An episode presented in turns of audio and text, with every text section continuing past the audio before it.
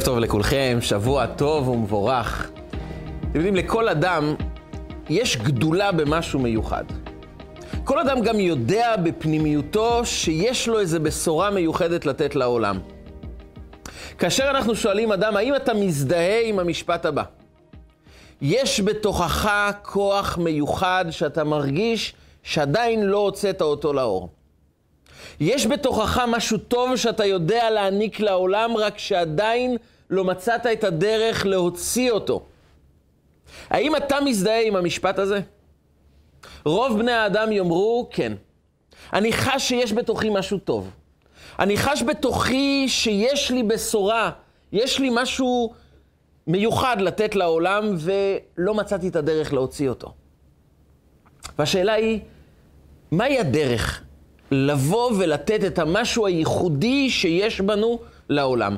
כי כולנו עסוקים מהבוקר עד הערב בעבודה, אתגרי החיים, ילדים, סידורים. אנחנו מנהלים את החיים שלנו כדי שנוכל להיות מונחים על בסיס איתן, קבוע, יציב, אבל אנחנו כל כך עסוקים בלייצב את השטח שעליו אנחנו חיים, שבמקום מסוים אנחנו מפספסים את הבשורה של החיים שלנו. את המשהו הטוב המיוחד שיש בנו, שבשבילו הגענו לעולם, ואת זה לא מצאנו עדיין איך להוציא לאור. והשאלה היא, מהי הדרך לחיות בתוך עולם מלא באתגרים, מלא בעבודות? אנחנו כל הזמן עסוקים בלשרוד את החיים, ואנחנו גם מבינים שיש לנו צורך לגלות את המיוחד שבחיים שלנו, את הטוב שאנחנו יכולים להעניק לעולם, את השליחות שבשבילה נשמתנו ירדה לעולם. והשאלה היא, איך עושים את זה בתוך עולם מלא באתגרים ומלא בקשיים, לקבל את היכולת להוציא את המיוחד שבנו לאור. איך עושים את זה? והתשובה תמיד, כמו תמיד, נמצאת בפרשת השבוע. פרשת השבוע אנחנו פוגשים את אחת הדמויות המיוחדות שיש לנו בתנ"ך. דמות מאתגרת מאוד, כי הדמות הזו מצד אחד יש בה נבואה, קדושה, יכולת של תקשורת עם הקדוש ברוך הוא, ומצד שני מדובר באדם שפל, אדם שרוצה לעשות רע, אדם שנמצא עמוק עמוק בתוך תאוות, בתוך דברים מאוד מאוד רעים, והדמות הזו היא בלעם בן בעור. בלעם בן בעור היה באותה תקופה נשיא, יותר נכון נביא גדול, שהיה דמות אהודה על כל העמים. כולם באו וביקשו את העצה שלו, את הברכה שלו. בלק בן ציפור, מלך מואב, רואה את עם ישראל בדרך לארץ ישראל, מתקרבים לגבול שלו. עכשיו, הקדוש ברוך הוא ציווה את בני ישראל, אל תצר את מואב ואל תתגר בה מלחמה. אל תעשו שום דבר למואב. והם אומרים לבלק, אל תפחד, אנחנו לא יכולים לעשות לך שום דבר. אבל בלק מפחד. וחוץ מזה שבלק מפחד, הוא גם אומר לעצמו, אני מאוד מאוד רוצה לחסל את העם היהודי. זה תמיד יותר טוב לעולם שיהיו פחות יהודים. ואז הוא פונה לבלעם בן בעור, כי הוא מבין שבמלחמות אי אפשר לנצח את עם ישראל. הם ניצחו את האומות הגדולות ביותר, יש להם ניסים מאוד גדולים, אז הוא אומר לעצמו, יש פתרון אחד לעם היהודי. אם יש להם תקשורת עם הקדוש ברוך הוא, אם יש להם ניסים מאלוקים, אני אקח את הנביא בלעם בן בעור, וכולם יודעים שלבלעם יש כוח לקלל, ואני אבקש ממנו לקלל את בני ישראל, כי ידעתי את אשר תברך מבורך, ואשר טהור יואר. את מי שאתה מקלל, הקללה נכנסת בו. את מי שאתה מברך, הוא מתברך. והוא מגייס את בלעם בן בעור, ובלעם מנסה לקלל את עם ישראל. הוא היה אדם שחוץ מהכסף הגדול שהוא היה אמור לקבל אחרי הקללות שהוא יקלל את בני ישראל, חוץ מזה, הוא גם מאוד אוהב לקלל את בני ישראל. הוא רוצה ברעתם של בני ישראל. הוא מנסה לקלל, אבל יוצא לו רק ברכות. הקדוש ברוך הוא לא נותן לו לעשות רע לעם ישראל, וכשהוא מגלה שהקדוש ברוך הוא רק רוצה לתת ברכות לעם ישראל, בפעם השלישית הוא פותח בנאום. הוא ניסה פעם ראשונה לקלל, פעם שנייה לקלל, יוצאים לו רק ברכות, ואז הוא פותח בנאום. נאום בלעם בנו בעור הוא נאום הגבר שתום העין. אשר מחזה ש"ד י' יחזה, נופל וגלוי עיניים. הוא אומר, אני אדם שרואה מראות אלוקים. אני אדם שיש בו נבואה אלוקית. ועוד נתון אחד, נאום הגבר שתום העין. אני עיוור בעין אחת. מוזר מאוד. מה בלעם בא לספר בנאום שלו שהוא עיוור בעין אחת? מה זה משנה לנאום הכללי שלו שהוא מספר שהוא אדם שרואה מראות אלוקים, אדם שיש בו נבואה, אדם שיכול לברך ולקלל? בכלל בלעם זה אדם שמאוד מאוד דואג לכבוד האישי שלו. הוא לא מתבייש גם לומר את זה לאלוקים. כשהוא מדבר עם אלוקים, הוא אומר לו נתון מאוד מעניין. הוא אומר, הגיעו אליי שליחים מבלק מלך מואב. בלק מלך מואב שלח אליי.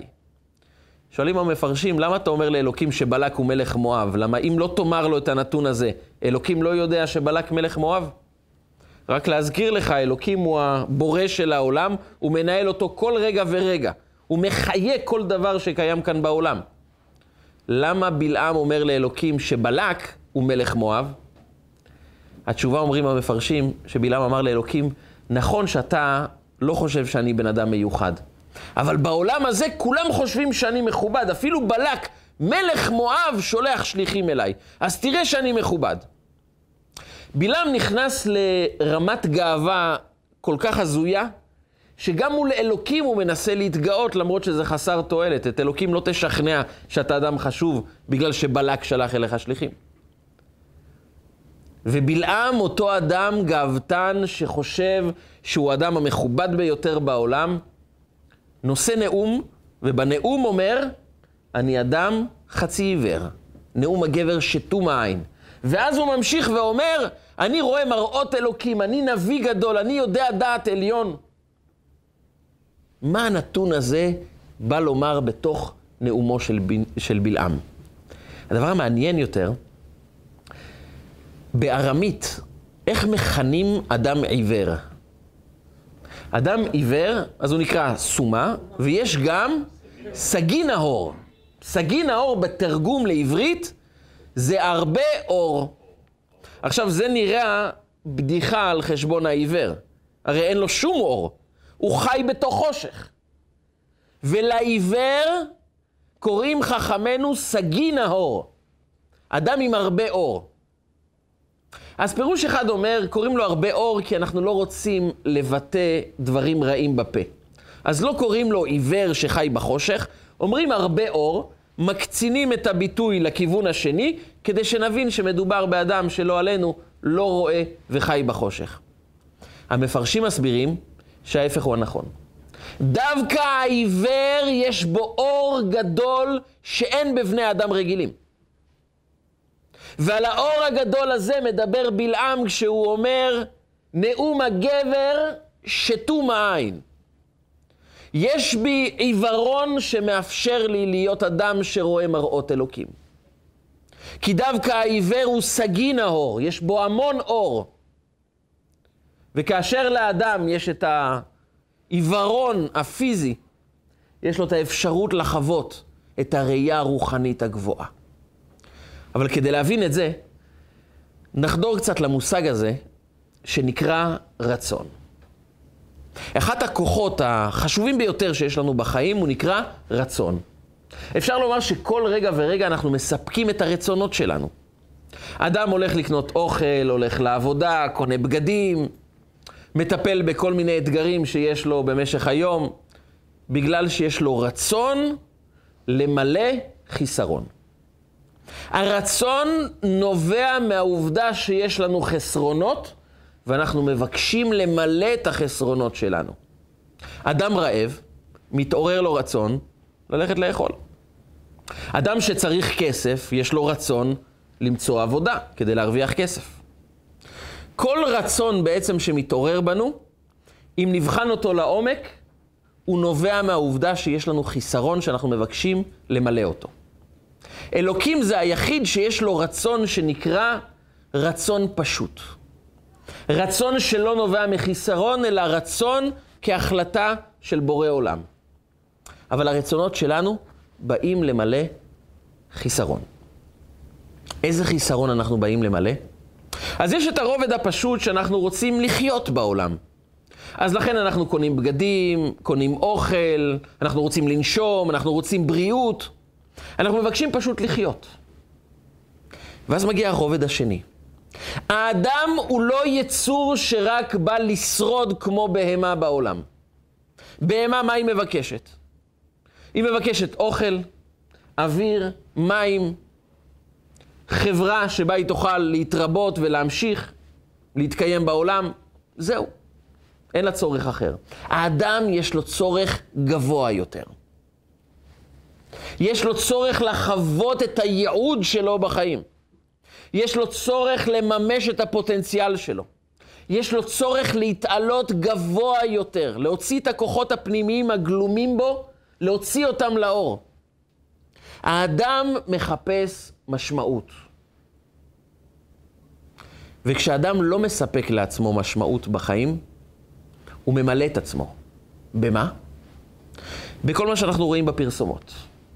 עולם הפרסום נועד למלא את החיסרון העמוק של הנפש בדברים פיזיים, חומריים, שוליים, שנותנים לנו הנאות חומריות, רגעיות, ובזה אנחנו מחפשים למלא את החיסרון שקיים כל הזמן בתוכנו. ואנחנו ממלאים אותו בדברים חומריים, ארעיים, חולפים, ואז מפסידים את היכולת שלנו לממש את הרצון העמוק שלנו לחיות חיים של משמעות, חיים שבו אני יכול להיות מי שאני באמת בעומק. אדם שחווה חוויה של ריקנות, הוא מרגיש ריקן, הוא מרגיש מה אני עושה בחיים האלה? מה החיים האלה נותנים לי? מה אני נותן לחיים האלה? והוא נכנס הביתה אחרי יום עבודה ויושב על הספה ואומר לעצמו, מה אני עושה בעולם? כדי להרגיע את עצמו, בלי לשים לב, הוא הולך לצפות בחדשות, הולך לקרוא כל מיני דברים שלא תורמים לו שום דבר לחיים, או הולך למקרר ועושה בדיקת חמץ ומפרק את כל מה שקיים בתוך המקרר, אוכל את כל מה שקיים שם, מרגיע את עצמו עם קופסת גלידה, עם עוגת גבינה, ואז חש, הנה, אני חש בטוב, אני מרגיש טוב, הנה, נהניתי. יותר מזה, אולי נצא למסעדה, נצא לטיול, העיקר, נמלא את החיסרון בהנאות חומריות, שאין בהן רע, אבל יש בהן מעכב אחד, חמור מאוד בחיים שלנו. הם לא נותנים לנו, ההנאות החולפות האלה, להתמקד ברצון העמוק שלנו.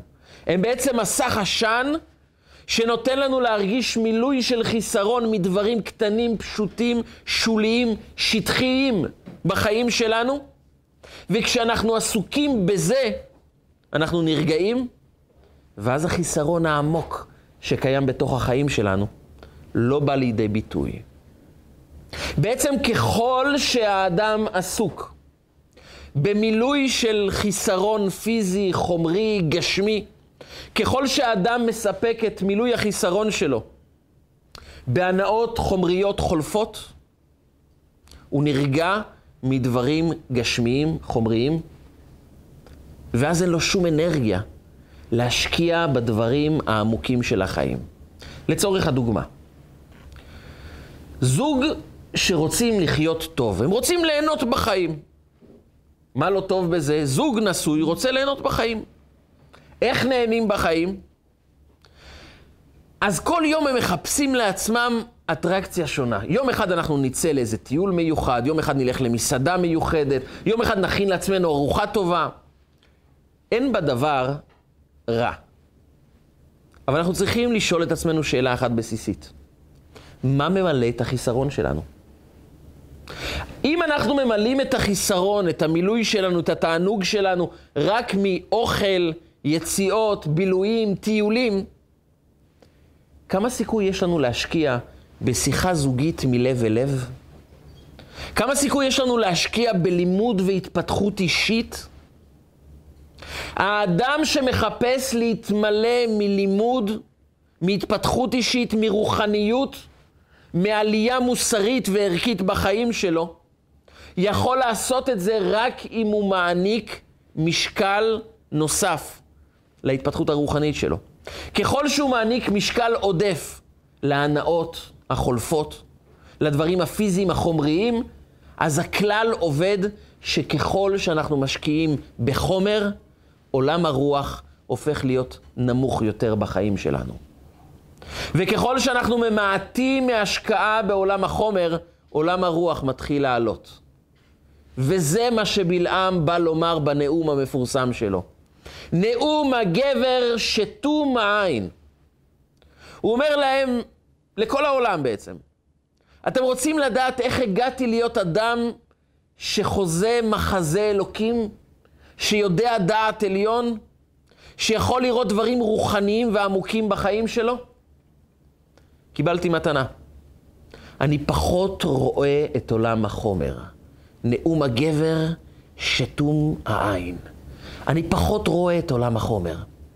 כי אתם יודעים, כשמתמקדים יותר מדי בעולם המוחשי, אז כל מה שתופס מקום בחיים שלנו זה רק האוכל, הכסף, איך נראה הרכב, איך נראה הבית, איך יכולים לעצב את הבית יותר יפה, איך יכולים לעצב את האוכל יותר יפה, וככל שאנחנו נמצאים בעולם החוש, בעולם החומר, בעולם שרק העין קובעת מה נכון, מה לא נכון, מה טוב, מה לא טוב, עולם הרוח נסתם לגמרי.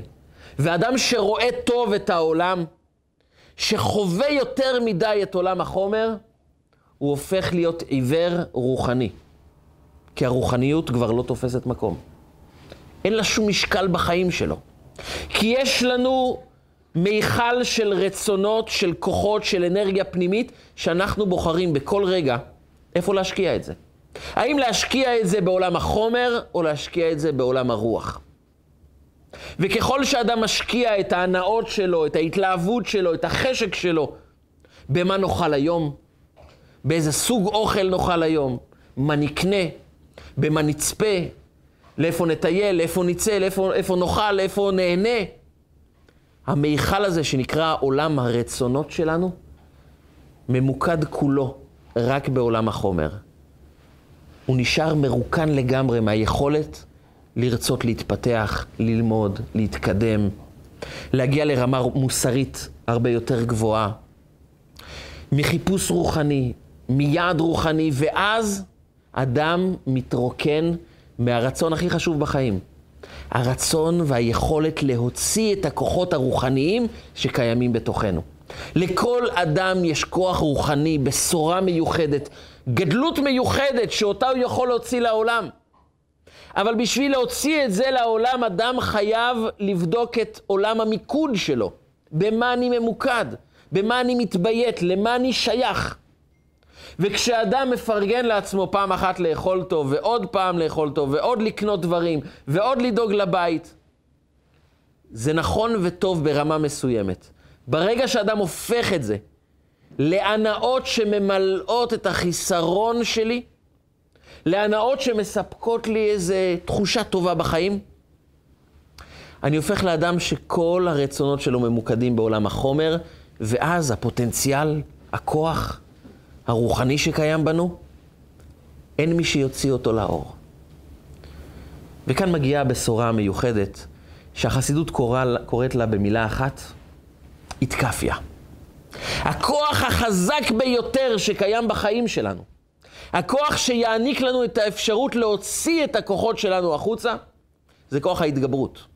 הכוח לומר לא, אני עוצר, אני מפסיק להתמקד בעולם החומר, ונכון, אולי באותם רגעים, שאדם באמת באמת רוצה לאכול משהו מאוד טוב, אדם יוצא לחתונה, והוא כבר לא אכל מהבוקר, כי הוא יודע שבערב הוא הולך לאכול, ואז הוא מגיע לבופה, הוא מגיע לשולחנות, והוא רואה את כל טוב מצרים נמצא, ואז הוא אומר לעצמו, נגמר העולם, עכשיו אפשר לאכול עד הסוף. והוא מחריב את השולחן. והוא אומר לעצמו, לא, אולי רגע אני אעצור. אני חייב להיות עבד לתאווה. הרי באותם רגעים אני הופך להיות משרת, קורבן, עבד לתאוות האלה. יכול להיות שזה נותן לי הנאה רגעית, אבל כמה זמן זה נמשך?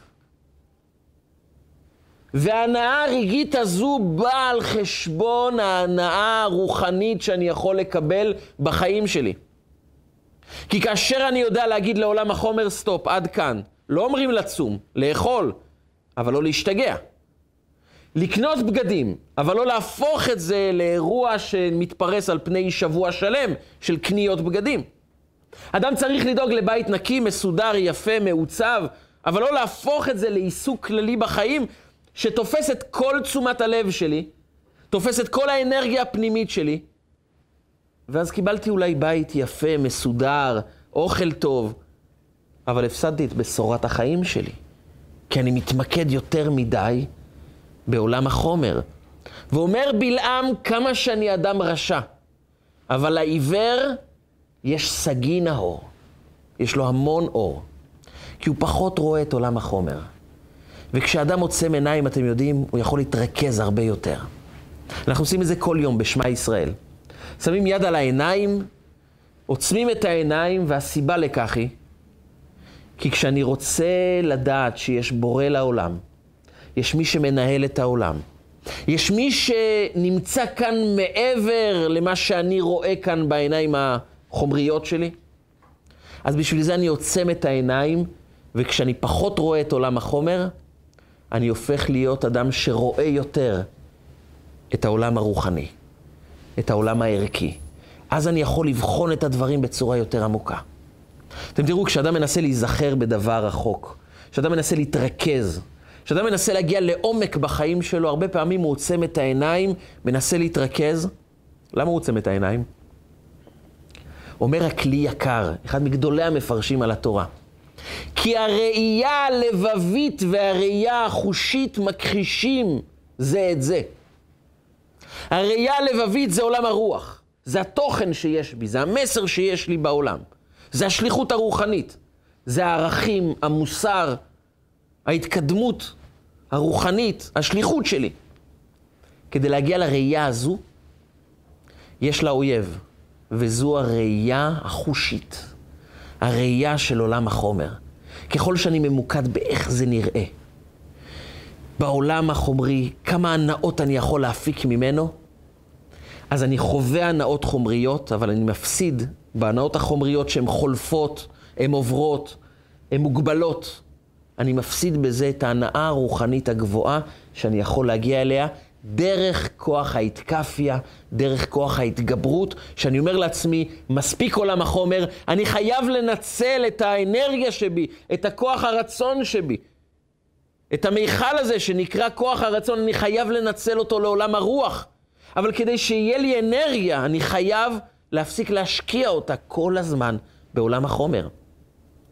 וכאשר אדם אומר לא רגע אחד לאוכל, לא שהוא הולך לצום, אבל הוא לא מבקש עכשיו את ההנאות הנוספות. הוא לא מבקש כל הזמן לשקוע בהנאות קטנות שבאות לחפות על חיסרון פנימי. אלא הוא מבין, אני צריך את עולם החומר כדי לחיות, אבל הרובד המרכזי של החיים שלי זה ההתפתחות הרוחנית. ואז הוא אומר לא. וכשאדם אומר לא לעולם החומר, הוא חווה באותה שעה התפתחות רוחנית. אולי זה לא מגיע באותו רגע. אולי באותם רגעים הוא חווה, רגע, הפסדתי, לא נהניתי, לא, לא, לא, לא הרגשתי ככה מילוי של החיסרון מהנאות שיכלתי ליהנות, אבל הוא בונה לעצמו אנרגיה חזקה שעכשיו תהיה ממוקדת בהתפתחות רוחנית, בהנאה אמיתית שנובעת מערך אמיתי של החיים שלנו. היה סיפור שאישה אחת סיפרה, שיום אחד היא שמעה דפיקות בדלת. פתחה את הדלת ולהפתעתה היא ראתה את האחיינית שלה. הייתה לה אחיינית שארבע חודשים קודם לכן ילדה את הבן הבכור שלה. היא מאוד אהבה את האחיינית הזו, זו אחיינית שגדלה אצלה ממש. היא הייתה מבקרת אצלה הרבה בבית. היא ממש אה, כאילו גידלה אותה. וכשהיא ראתה אותה ארבע חודשים אחרי הלידה, היא מאוד מאוד שמחה. היא לא חשבה שהיא תבוא לבקר אותה, סך הכל אחרי לידה ראשונה. הכניסה אותה הבית, כל הילדים קפצו ושמחו לראות את הבת דודה שלהם שמגיעה עם התינוק החדש, והיא התיישבה איתה. ואמרה לה, איך אני שמחה שבאת לבקר. ככה, אחרי ארבע חודשי לידה, באת לבקר אותי, זה מאוד משמח אותי. אמרה לה, כן, אני רציתי לומר לך כמה מילים מהלב, שהתביישתי להגיד לך כל החיים, אבל עכשיו אני מרגישה שאני צריכה לומר לך. היא מאוד התפלאה ואמרה, טוב, תדברי, מה קרה? אומרת, את זוכרת, בגיל חמש, הגעתי אצלך הביתה לשחק, כמו שהייתי מגיע הרבה פעמים. אמא הייתה בעבודה ובאתי אצלך. הילדים היו קטנים והייתי איתם בחדר, ואני שיחקתי בכדור בסלון. וכנראה שיחקתי יותר מדי עם הכדור, והכדור עף על הנברשת החדשה שקנית. אני זוכרת שזו נברשת שמאוד מאוד אהבת אותה. ומצאת אותה באיזה חנות רחוקה, והיא הייתה בדיוק לפי הטעם שלך, ותלית אותה ומאוד שמחת בה, והכדור פגע בנברשת, והנברשת נפלה ונשברה. ואני זוכרת עד היום איך שהגעת, והיית המומה לראות את הנברשת שנפלה, ובאותם רגעים לא כעסת עליי, לא צעקת עליי. ידעתי כמה זה יקר לך והייתי בטוחה שאני אקבל צעקות. ובמקום זה באת אליי ואמרת לי, איזה נס שלא קרה לך שום דבר. כמה טוב שלא נפגעת. בואי לחדר. נתת לי שוקולד, וראיתי כמה כאב לך על הנברשת. כמה כעס היה בתוכך, אבל ידעת לסגור את הכעס הזה. ונתת לי את ההרגשה הכי טובה בעולם. והתביישתי לומר לך את זה, כמה אני מעריכה את זה. אבל היום, את יודעת, היום אני כבר אימא. ואימא רוצה לתת לילדים שלה את הכי טוב בעולם. אני עוד מעט אתחיל גם להיות מחנכת. ואני שואלת את עצמי, מי המחנכת הטובה? איך להיות אימא טובה? ואת נתת לי דוגמה שליוותה אותי בכל החיים. ואני רוצה לומר לך תודה. תודה כי אני יודעת שאת הנברשת החצי שבורה הזו תלית בחזרה והשארת אותה ככה. וכשאימא שלי נכנסה פעם אלייך ושאלה למה הנברשת שבורה, אמרת קרה משהו ואפילו לא אמרת לה שזו הבת שלה ששברה את זה. ואני תמיד התפלאתי, למה שמרת על הנברשת השבורה הזאת? אבל את המסר אני לקחתי. התגברת על הרגשות שלך כדי להעניק לי חיים טובים, הרגשה טובה, ועם זה אני יוצאת לדרך בתור אימא. אז רציתי לומר לך תודה. הדודה מאוד מאוד התרגשה, והיא אמרה אני רוצה לומר לך למה השארתי את הנברשת הזו. כי את יודעת, בחיים שלנו, כשקורה משהו שלא מסתדר לנו, אנחנו ישר צועקים, ישר מגיבים. אנחנו אנשים תגובתיים. מישהו הכעיס אותנו, אנחנו צועקים עליו. מדברים אליו לא יפה. משהו לא מסתדר, אנחנו כועסים. אז בכביש אנחנו כועסים על מישהו שנוהג בצורה לא טובה, במשרד, בחנות. אנחנו פוגשים לאורך החיים הרבה אנשים שההתנהגות שלהם לא מוצאת חן בעינינו. ואנחנו כועסים ומתמרמרים וצועקים, ולא מבינים למה אנשים מתנהגים ככה. ואני החלטתי שאני לא קורבן עבד לכעסים. אני אניח את הכעס בצד, ויראה שיש כאן בן אדם, יש כאן ילדה, שצריכה תמיכה, שצריכה עידוד. ואת יודעת שהתגברתי על הכעס, יותר ממה שאת קיבלת הרגשה טובה, אני קיבלתי את ההרגשה החשובה ביותר בחיים שלי. אני שולטת על החיים שלי. אני יכולה בזה שאני מתגברת על הרגשות הרגעיים, החולפים של כעס, של תאווה, של קנאה, של שנאה, של לשון הרע, של לדבר דברים לא טובים. אני יכולה להתגבר על הדברים האלה, ואז חוויתי חוויה שלא הייתה לי מעולם בחיים. אני גדולה מהחיים. אני יכולה להתגבר כי אני שולטת על החיים. ואת יודעת כמה אנרגיה זה נתן לי להתחיל להשקיע בנפש שלי? כי ברגע שאני חוויתי את הנפש עצמה, כי לא התפתיתי לתאווה הרגעית החולפת, הענקתי לעצמי ערך בחיים, זה נתן לי חשק להשקיע יותר בהתפתחות רוחנית, בשליטה עצמית, בלימוד. כי פתאום הרגשתי כמה אני יכול, יכולה להיות גבוהה יותר, נעלית יותר, ערכית יותר בחיים. לכן תליתי את הנברשת השבורה, כדי להזכיר לי תמיד, הנברשת שבורה, אבל אני שלמה יותר, אני גבוהה יותר, אני יכולה להתפתח יותר. שימו לב שהחיים כל הזמן מובילים אותנו להשקיע את האנרגיה הנפשית שלנו כל הזמן בחולף, ברגעי, בשטחי. אדם כעס עלינו, אנחנו צועקים עליו. אנחנו רואים משהו טעים, רוצים מיד לאכול את זה. אנחנו כל הזמן תגובתיים למה שהעולם משדר לנו, ואז אנחנו מתכתבים עם העולם, ופחות מתכתבים עם הנפש האישית שלנו. אני זוכר בחוויה אישית שהייתה לי, הייתי בחוץ לארץ, תקופה בשליחות, בשוויץ, ונסעתי ברכבת.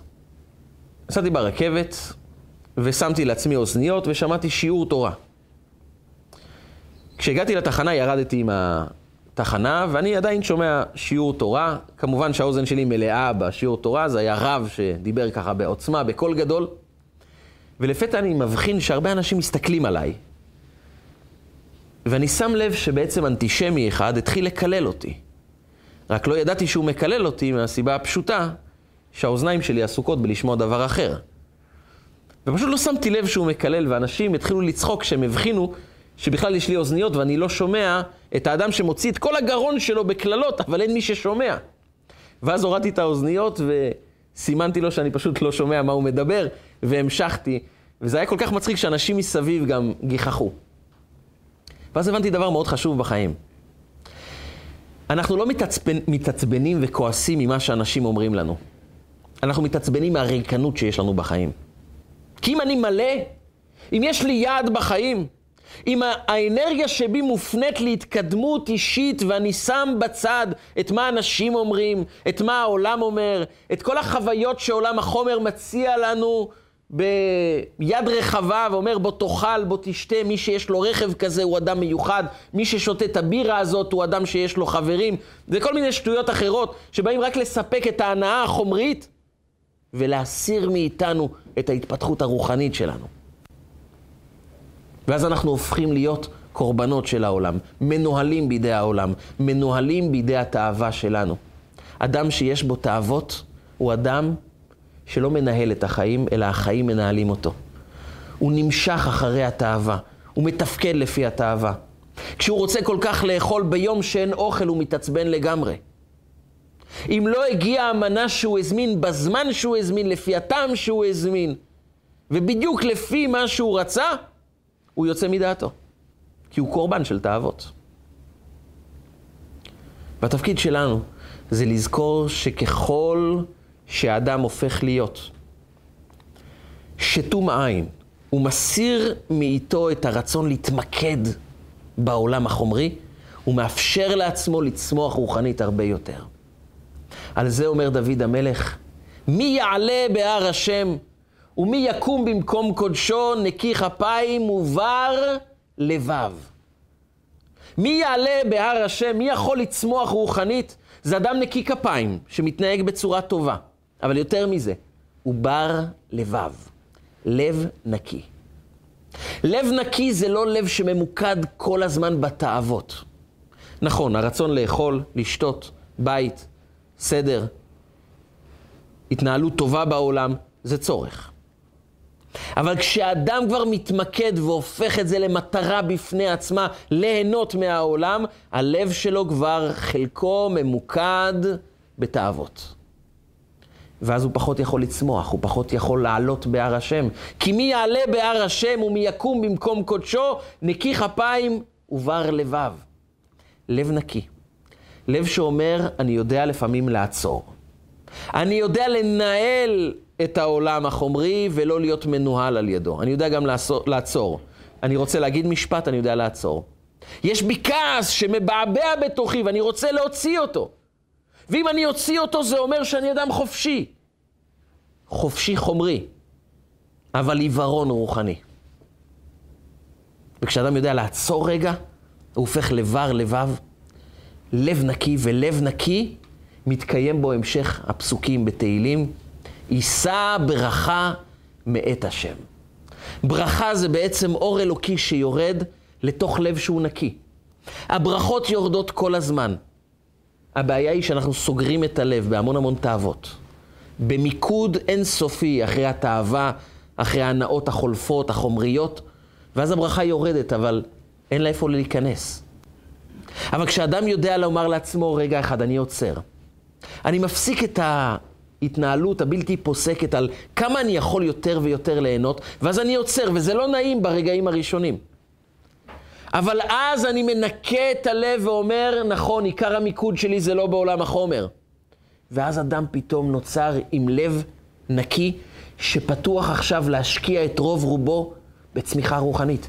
פתאום הוא אומר לעצמו, רגע, אם אני כל כך שולט על עולם החומר, עולם הרוח שבי הוא הרבה יותר חזק. אני רוצה ללמוד יותר, אני רוצה להתפתח יותר, אני רוצה להעניק יותר. אני רוצה להוציא את הכוחות שיש בתוכי, ופתאום לאדם גם יש אנרגיה להוציא את הכוחות שלו. יש לו אנרגיה והתלהבות ושמחה ללמוד יותר, להתפתח יותר. פתאום הוא גם נהנה לשוחח שיחה לבבית, ערכית, עם אשתו. כי כאשר אדם ממוקד רק בהנאות, זה העולם שלו. אבל אדם שיודע לעצור רגע את עולם החומר, נאום הגבר שתום העין, הוא הופך להיות סגי נאור, אור הרבה יותר גדול. זוג שרוצה לחיות חיים ערכיים עם חיבור פנימי עמוק, צריך לדעת לומר לעצמו רגע אחד, מה שממלא אותנו זה לא עולם החומר. נכון, לפעמים אדם צריך לצאת רגע, ליהנות, להתרכז, לקחת איזה חופשה, לאכול משהו, לצאת, הדברים האלה הם טובים. ובתנאי שברור מה המטרה ומה האמצעי. כשאדם הופך את התאוות למטרה בפני עצמה, כאן הוא מפסיד את החיים שלו. התורה לא נגד הנאה כאשר היא אמצעי. הדוגמה הבולטת לכך היא גמרא במסכת יומא. היא מספרת על אחד מגדולי חכמי הגמרא, רבה, שרבה היה אומר לתלמידים שלו, כדי שאני אוכל להיות ממוקד בהלכה, כדי שאני אוכל למסור שיעור טוב, אני צריך בשר שמן, אני צריך יין טוב, אני צריך, צריך ריח בסמים, חמרה וריחה פקחים.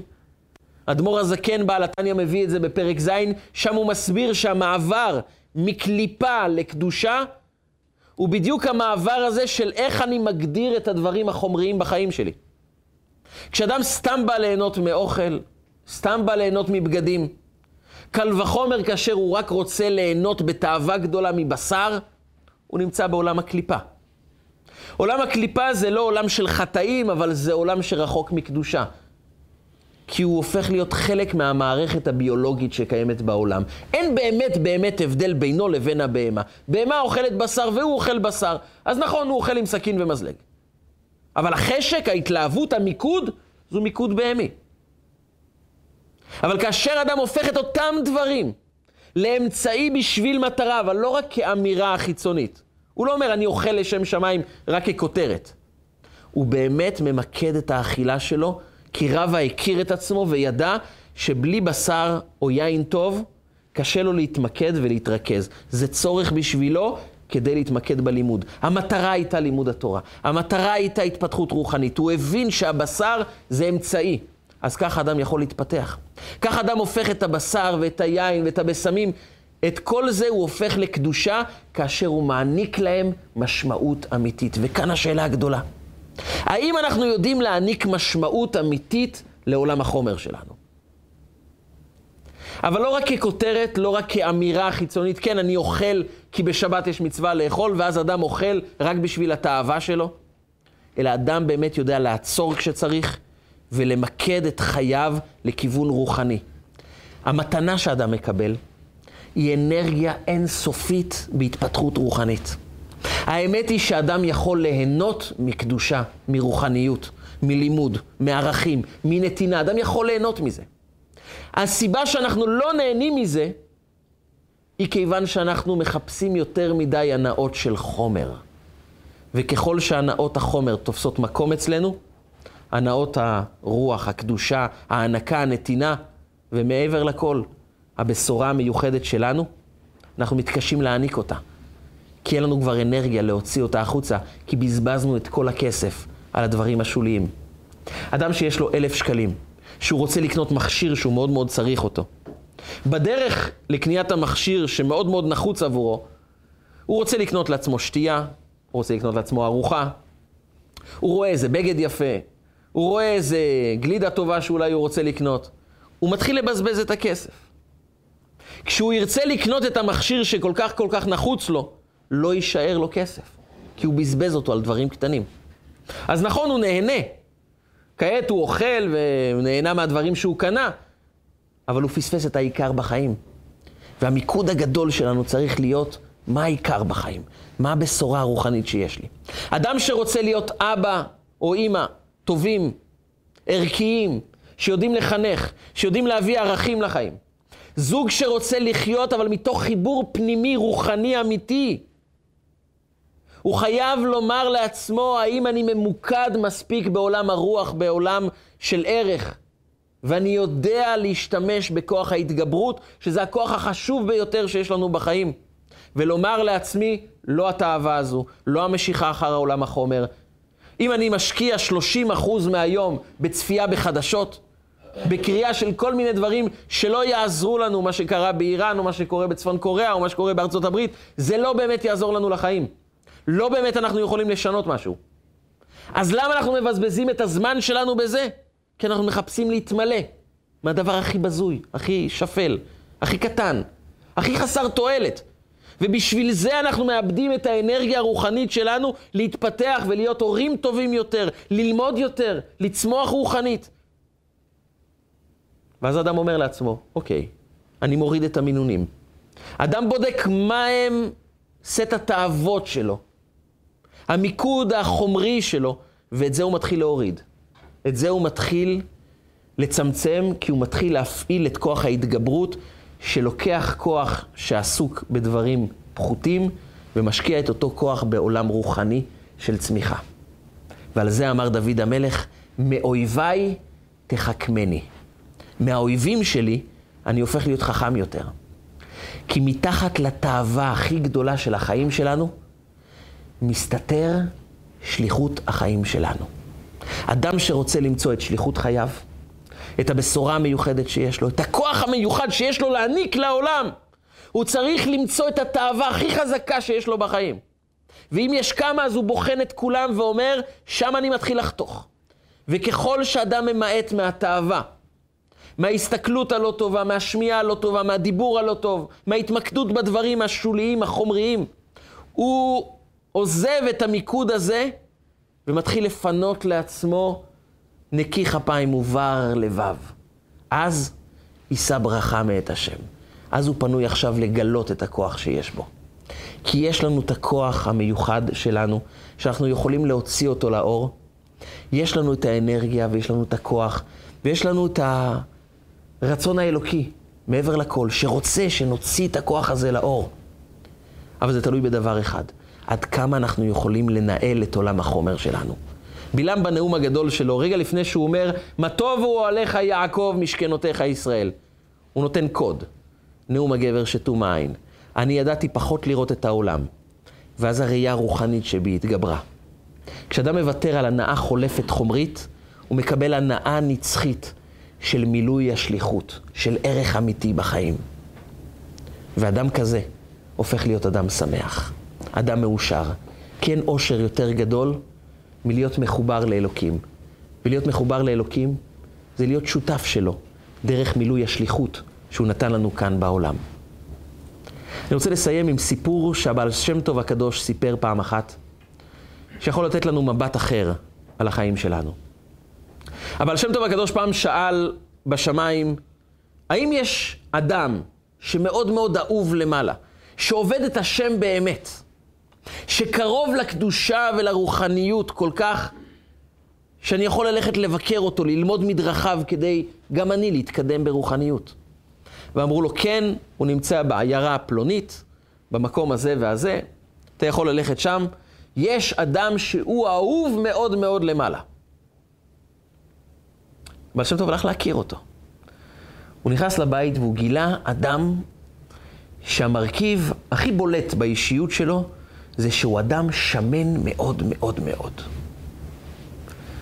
טוב, אבל לא שופטים לפי מבט חיצוני, אז הוא אמר לעצמו, זה צדיק נסתר.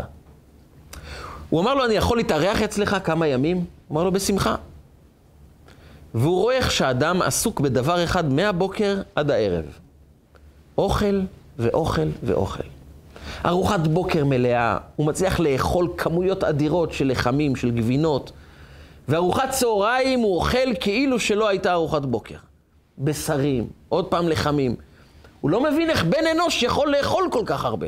ארוחת ערב, כאילו שזה מוצאי צום. אכל עוד יותר. טוב, הוא מסתיר את עצמו קצת, אבל הוא רואה, האדם בקושי מתפלל, בקושי לומד תורה, רק אוכל כל היום, וזה הוא עושה באמת ברמה מאוד מאוד גבוהה. יום, יומיים, שלושה, הוא כבר לא יכל להתאפק יותר. זה האדם שאמרו עליו בשמיים שהוא כל כך אהוב למעלה, כל כך קדוש.